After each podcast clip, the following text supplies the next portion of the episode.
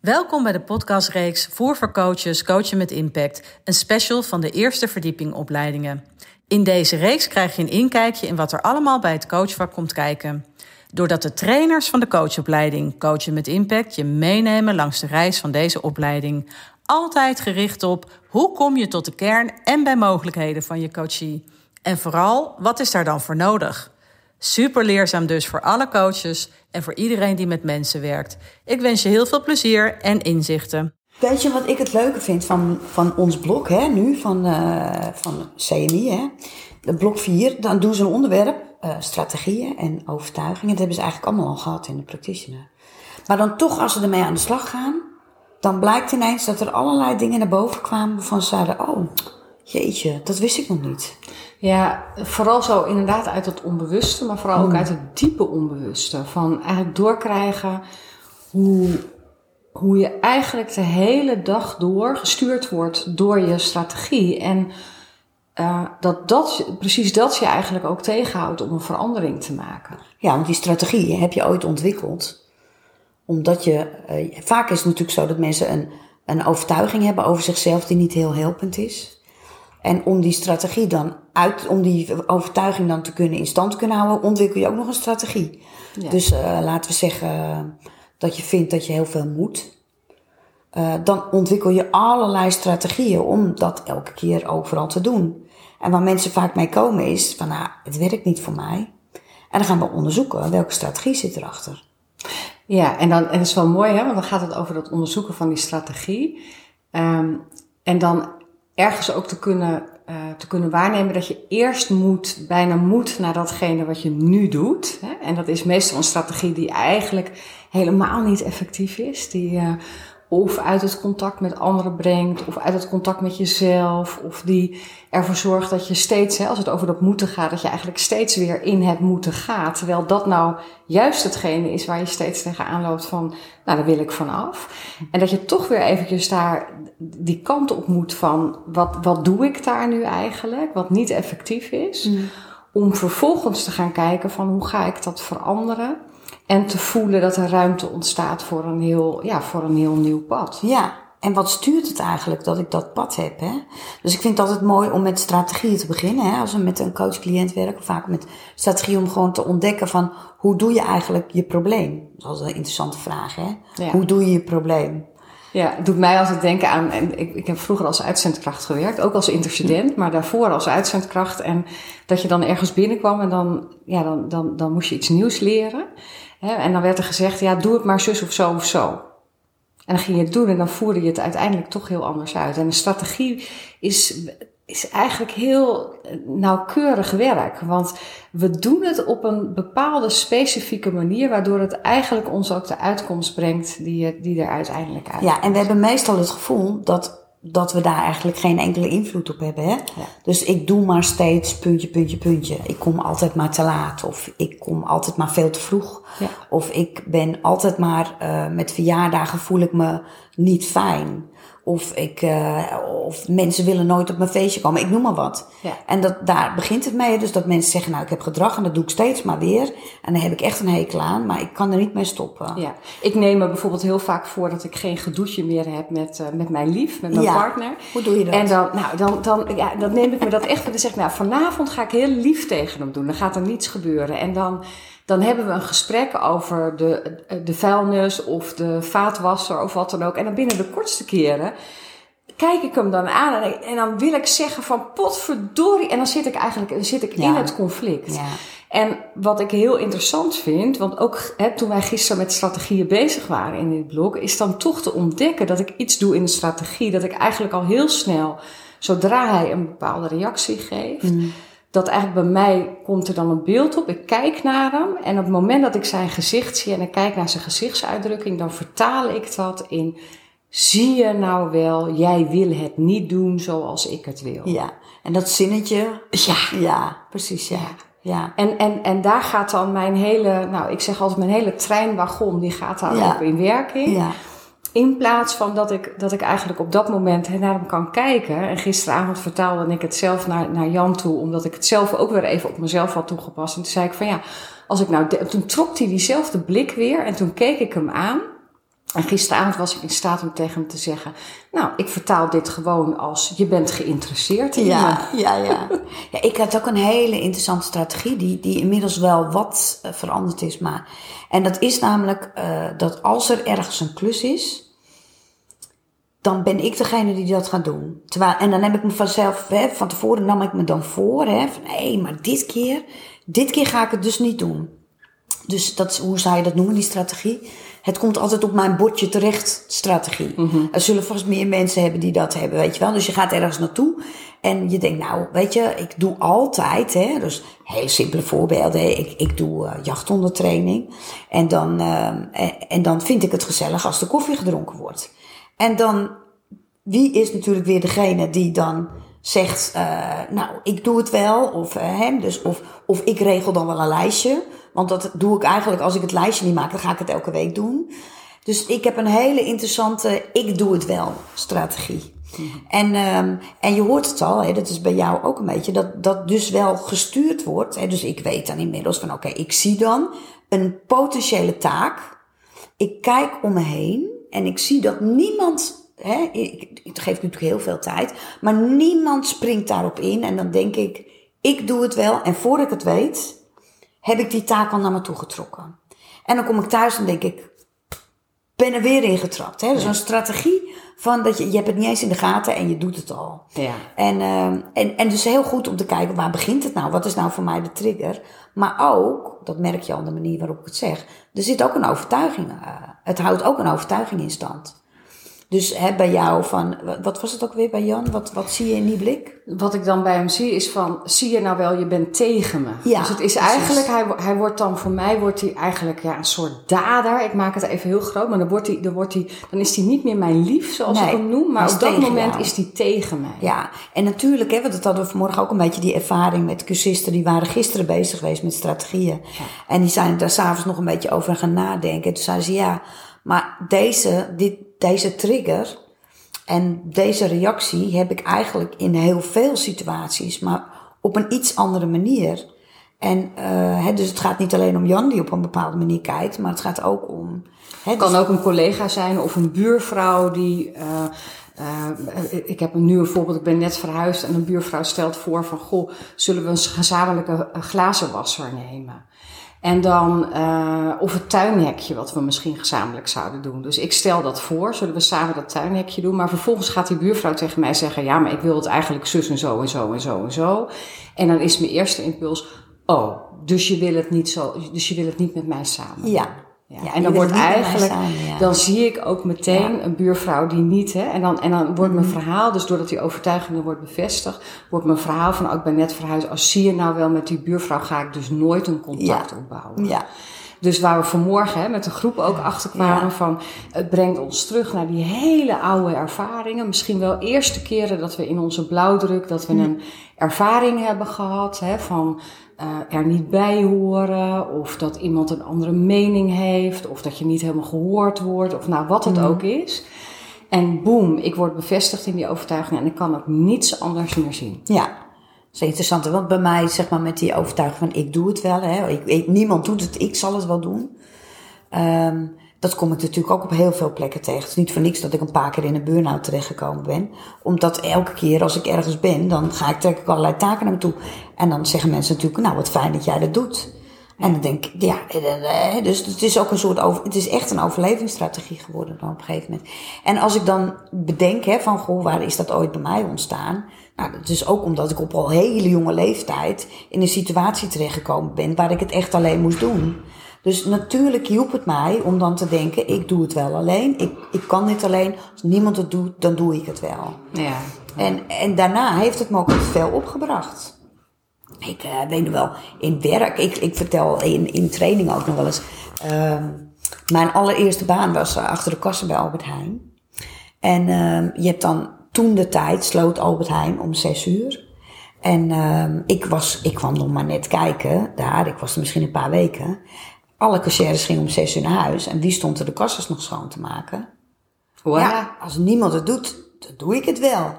Maar ja, zij dachten, als zij het doet, dan gaan wij naar huis. Dus het houdt zichzelf ook steeds. En eh, dus eh, dit is nog maar één voorbeeld van hoe vaak ik dit gedaan heb. Ja, dus dat is sowieso dat stuk van in het klein in het groot. hè? Ja. En in het groot in het klein. Dus Ja.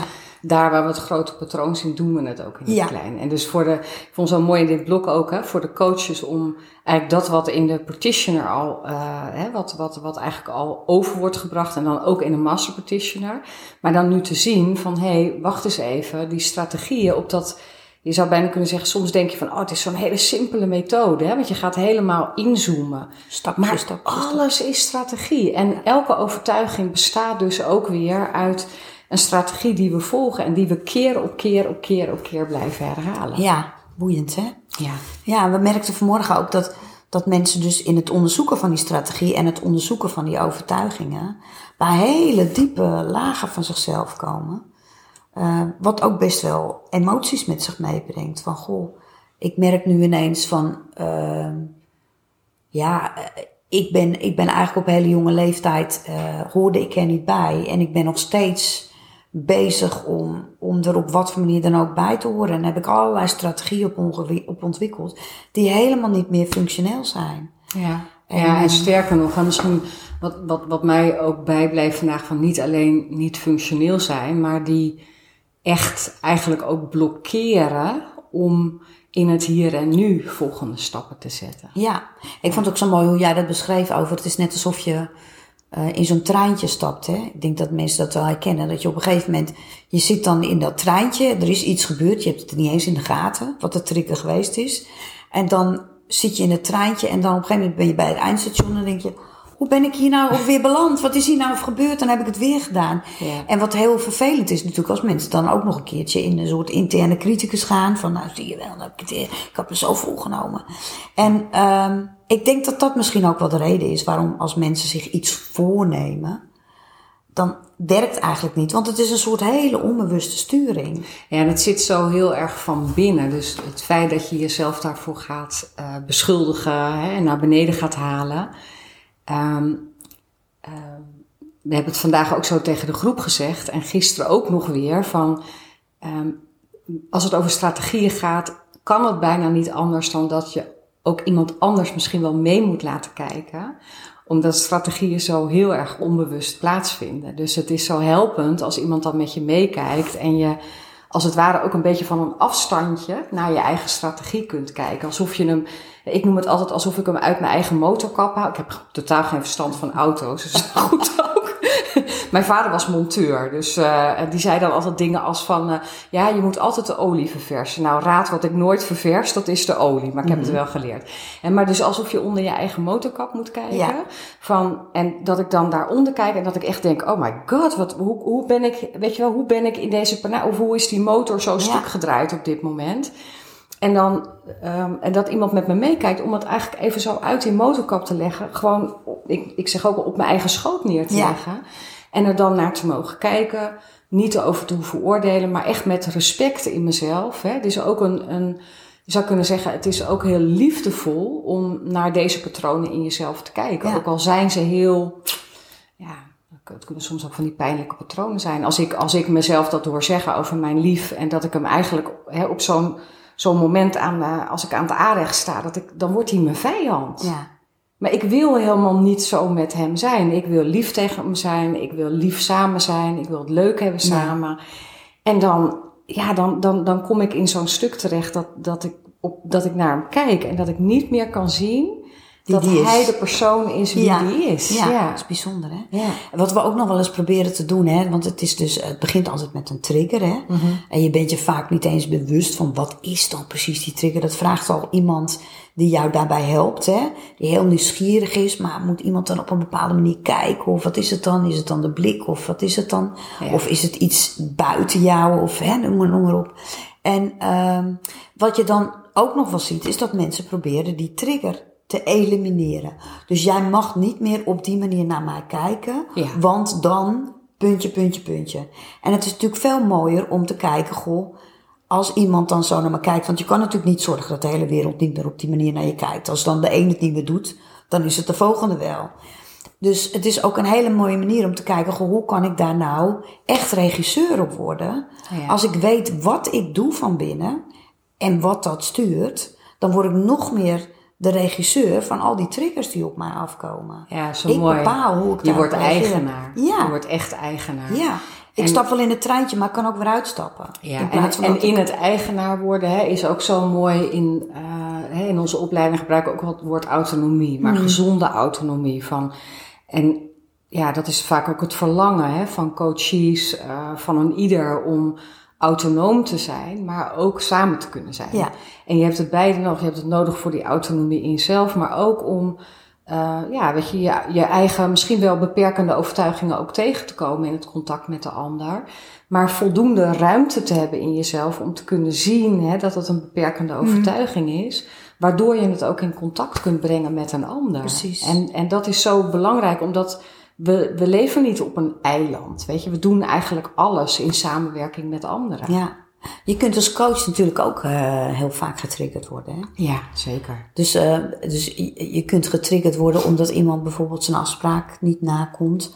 Omdat ze hun huiswerk, hè, stel nou dat je opdrachten geeft, huiswerk niet gedaan. Dat kan, dat kan een trigger zijn, dat bij jou iets doet van, van vroeger. Dus het is ook als coach zo ongelooflijk belangrijk om je eigen patronen, je eigen strategieën en overtuigingen te onderzoeken. Zodat je daardoor minder getriggerd wordt als jij in contact bent met een eh, cliënt. Ja, ja en, en door je eigen triggers te kennen, hè, ehm, op het moment dat je met de coachie aan het werk bent, dat je, ehm, het was vanmorgen ook nog weer zo heel mooi voelbaar, ook in, in deze groep, met een aantal individuele verhalen van, als mensen aan het vertellen zijn over hun triggers of, of het probleem waar ze tegenaan lopen, dat je, doordat je je eigen stuk zo goed kent, hè, dat, je, dat je als het ware die ander nog veel beter kunt volgen. Dus dat je op een gegeven moment ook kunt horen dat iemand in zijn of haar strategie iets doet, hè, wat niet helpend is voor Ja. het uiteindelijke verlangen wat Ja. iemand heeft. Maar dat kan alleen maar als je echt, eh, nou ik zeg niet dat je 100% alles van jezelf moet kennen. Het helpt wel, maar dat is ook een onbegonnen zaak volgens mij. Maar in ieder geval dat je je belangrijkste triggers leert kennen en niet dat je, hè, nogmaals, dat je niet meer in dat treintje stapt, maar dat je er steeds sneller uit kan stappen. Ja. En dat je merkt van, oh, wat gebeurt er nu met mij? Ik heb het bijvoorbeeld als mensen in een soort energie gaan van, ik weet het niet, ik kan het niet, ik geloof niet dat ik het ooit ga leren. Beetje hè? slachtofferig. Beetje, ja, slachtofferig. Ja. Dan merk ik aan alles dat ik denk, ah joh, kom op, huppa. En als ik dan in die trein stap, dan ga ik iemand zitten, nou en als je nou gewoon dit en als je gewoon dat. En dan ga ik hem helemaal zitten overtuigen.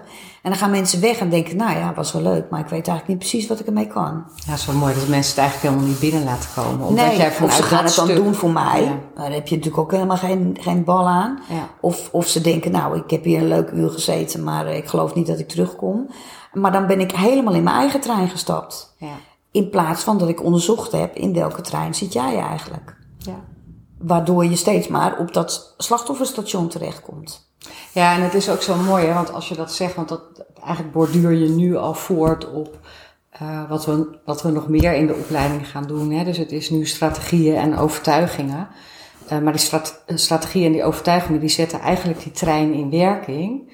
Om vervolgens inderdaad in dingen als eh, je als slachtoffer gedragen of de redder gaan worden. Ehm, dus dat worden uiteindelijk dan ook weer rollen en patronen die in alle relaties Ja. terugkomen. Ja. Of dat nou op je werk is of als coach met je coachie of met je kinderen of je partner of broers of zussen. Dan ga je ze overal terugvinden. Ja, Ja. ja. Wat ik ook wel mooi vind, is dat we nu in de opleiding mensen ook laten werken met hun eigen levenslijn. Hè? Dat vind ik wel eh, een mooie toevoeging. Dus dat ze echt gaan kijken van, goh, als ik nou zo kijk naar mijn leven hè, en hoe dat allemaal verlopen is. Wat zijn dan de momenten waarop ik wellicht een overtuiging ben gaan ontwikkelen? Over mezelf, over wie ik ben, hoe ik sta in de wereld, wat ik te doen heb om erbij te horen, eh, wat wij doen in ons gezin, in ons systeem. Ehm, en dat, die, dat, je, dat je dat ook terug kunt brengen naar, goh, dit is al heel vroeg dat ik dat ontwikkeld heb. Ja. En dan is het ook mooi om te kijken, goh, hoe, heeft, hoe beïnvloed je dat dan in het hier en nu? Ja. Zowel als mens als als coach. Ja, dat is zo mooi, want dan maak je het eigenlijk ook weer los. Dus eigenlijk koppel je hem dan heel even los door hem te plaatsen op die levenslijn terug. En dan in het hier en nu te gaan kijken, bijna alsof het een soort tijdlijn is waarbij je ook een nu hebt. En dat je dan vanuit het nu kijkt van, hé, hey, maar wat zou voor mij op dit moment dienend zijn? Ja. Waar wil ik mee door? En Ja. wat, ehm, ehm, nou, hoe kan ik op het moment dat deze trigger in mij hè, eigenlijk afgaat, hè, dan hoe kan ik mezelf weer terughalen? Dus welke nieuwe Ja. overtuiging kan ik Mhm. ervoor in de plaats zetten? Als het over de strategie gaat, eh, welke gedachte, welk beeld, welk gevoel kan ik in mezelf oproepen wat me op dat moment kan helpen om die andere, ja, die, die andere eh, trein eh, hè, Niet in te stappen Niet of uit te stappen. of uit te stappen. ja. Ja, dat is, eh, ik, ik denk dat het heel belangrijk is als, als coach om zeg maar je eigen treintjes te leren kennen. Ja. En niet, en niet in een soort perfectionisme van ik mag niet meer in een treintje stappen. Maar meer van dat je voor jezelf herkent, oh wacht even, nu stap ik in die treintje. Wat, wat is er nou eigenlijk gebeurd? Omdat je hebt blijkbaar ook iets waargenomen bij de, bij de coachie, wat jou getriggerd heeft. En dat kan de coachie weer helpen. Dat Ja. jij dat ziet, dat jij dat opmerkt. Ja. Want die zit in zijn eigen treintje. Ja, dan kun je het inbrengen. Dan hoef je het niet weg te houden of je hoeft het niet uit te leven, maar dan kun je het inbrengen en dan kan het heel dienend Ja, zijn, ja. proces. Ja, Het is een soort eh, Amsterdam Centraal eh, aan het worden. Zo, ja eh, ik zag ook al zo'n heel groot perron.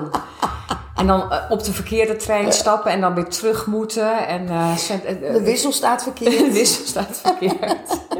Af en toe botst er iets en dan, hè, dan, nou ja, en dan Ja. weer kijken hoe repareer ik dat en hoe kan ik Ja. van daaruit weer verder. Want dat is misschien Ja. ook wel mooi. Het gaat niet over perfectie, maar wel over ehm, ja, eigenlijk ook eigenaar zijn hè, van die, misschien wel die treintjes of die wagons waar je dan soms zo instapt en waar je dan in terecht kan komen. Maar dat kan ook weer je empathie naar jezelf toe vergroten. En ook Ja. de empathie naar anderen weer vergroten. Zeker. Want als, als dat bij jou gebeurt, dan, ja, andere mensen gebeurt dat dus ook. Ja. Zo in de game. Maar wat ik wel mooi vind, hè, is als we, als we het hebben over strategie, hè, waar we gisteren begonnen zijn, daar op de neurologische niveaus is dat eigenlijk gewoon vaardigheden. Ja. Hè, het gaat over je gedrag en je vaardigheden.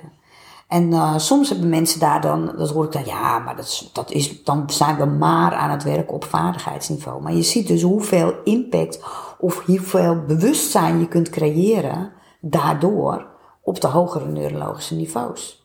En wat nou ook nog wel leuk is misschien, dat, dat weet jij denk ik ook wel, hoe, hoe het ADHD-centrum ooit eh, gestart is. Hè? Hoe Katelijne ooit begonnen is met, goh, eh, wat zullen we iets met ADHD gaan doen? Dus eigenlijk omdat ze ging vragen, hoe doet iemand zijn ADHD?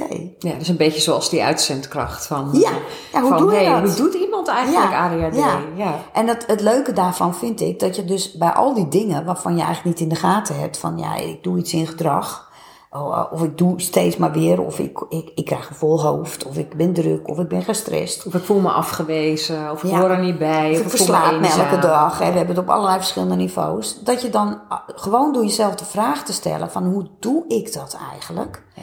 Dan kom je al uit de rol van oh, het overkomt me naar wat doe ik eigenlijk waardoor ik dat steeds maar weer doe. Ja. En dat vind ik toch wel het prachtige van strategieën. Ja, zo leuk dat je Katelijn noemt. Ik, toevallig was ik gisteren mijn dozen aan het uitpakken, want ik ben net verhuisd en ik, ik heb ook een nieuwe praktijkruimte. Dus ik, ik haalde de foto van Katelijn ook even zo tevoorschijn. En, het is, en, en ook het, het, het boek wat ze geschreven heeft over ADHD. Maar dat, je zou kunnen zeggen, eh, dit zijn dan ook als het over die strategieën gaat. Het is ook die ongelooflijke nieuwsgierigheid die je eigenlijk als coach nodig hebt. Hè? Bijna alsof je een inspecteur bent die met een vergrootglas op de dingen wil staan. Om het grote in het kleine te kunnen begrijpen. Maar Ja. ook het in, in het kleine opzoeken. Dat, dat, dat puzzelstukje van, Ja. van hoe doen we nou de dingen.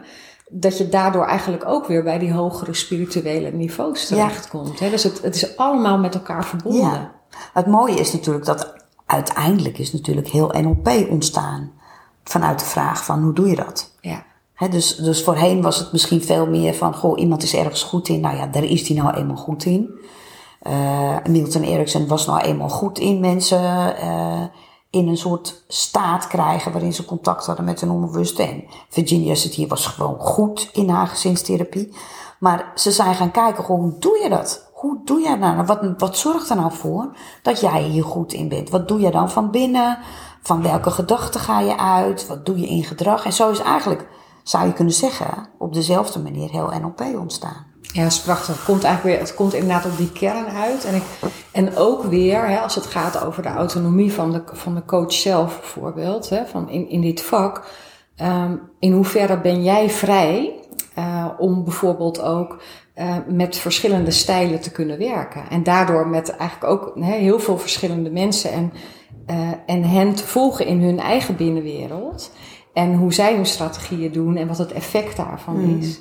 En wat is nu eigenlijk het daadwerkelijke verlangen? Om op die manier met mensen mee te reizen. En dan is NLP zo prachtig. Van, ja, dat, de, de basis, de kern eigenlijk gewoon. Van ja. onderzoeken, nieuwsgierig zijn, die uitzendkracht die niets weet en die wil leren ja. hoe doet iemand uh, ruzie maken of hoe ja. doet iemand te laat komen. Of, dus het zegt eigenlijk ook iets over jouw, je zou kunnen zeggen, je stemming als coach. Hè? Dus veel coaches uh, gaan coachen vanuit de behoefte om mensen te helpen. Hè? En dan ben je dus eigenlijk heel erg gericht op wat kan ik doen om jou te helpen. Um, maar dit vraagt eigenlijk gewoon oneindige nieuwsgierigheid. Dus niet hoe kan ik je helpen, maar hoe doe jij dit eigenlijk? Ja. Het is een hele andere vraag om als coach mee aan, het, aan de slag te gaan. Of je de innerlijke vraag hebt, hoe kan ik jou helpen? Of de innerlijke vraag hebt, hoe doe jij wat je doet? Ja. Ja, en, en, en, en dan inderdaad, want dan laat je het ook echt helemaal bij de ander, wat die ander vervolgens met die zoektocht gaat doen. En dat is eigenlijk heel prachtig. Hè? Dat is, ja. dus een, een, een hele uh, vrije manier uh, van mensen werken, maar ze ook volledig in hun eigen autonomie neerzetten. Terwijl ja. je zelf ook steeds autonomer wordt in, in ja. je eigen werkwijze. Ja. Nou, volgens mij hebben we daarmee wel een beetje. Hè, we wel... Ik denk het ook. Ja. Ja. Een beetje een mooie opleiding. Wij geven eigenlijk een hele mooie hartstikke opleiding. mooi. Ik heb nu al zin in het volgende blok.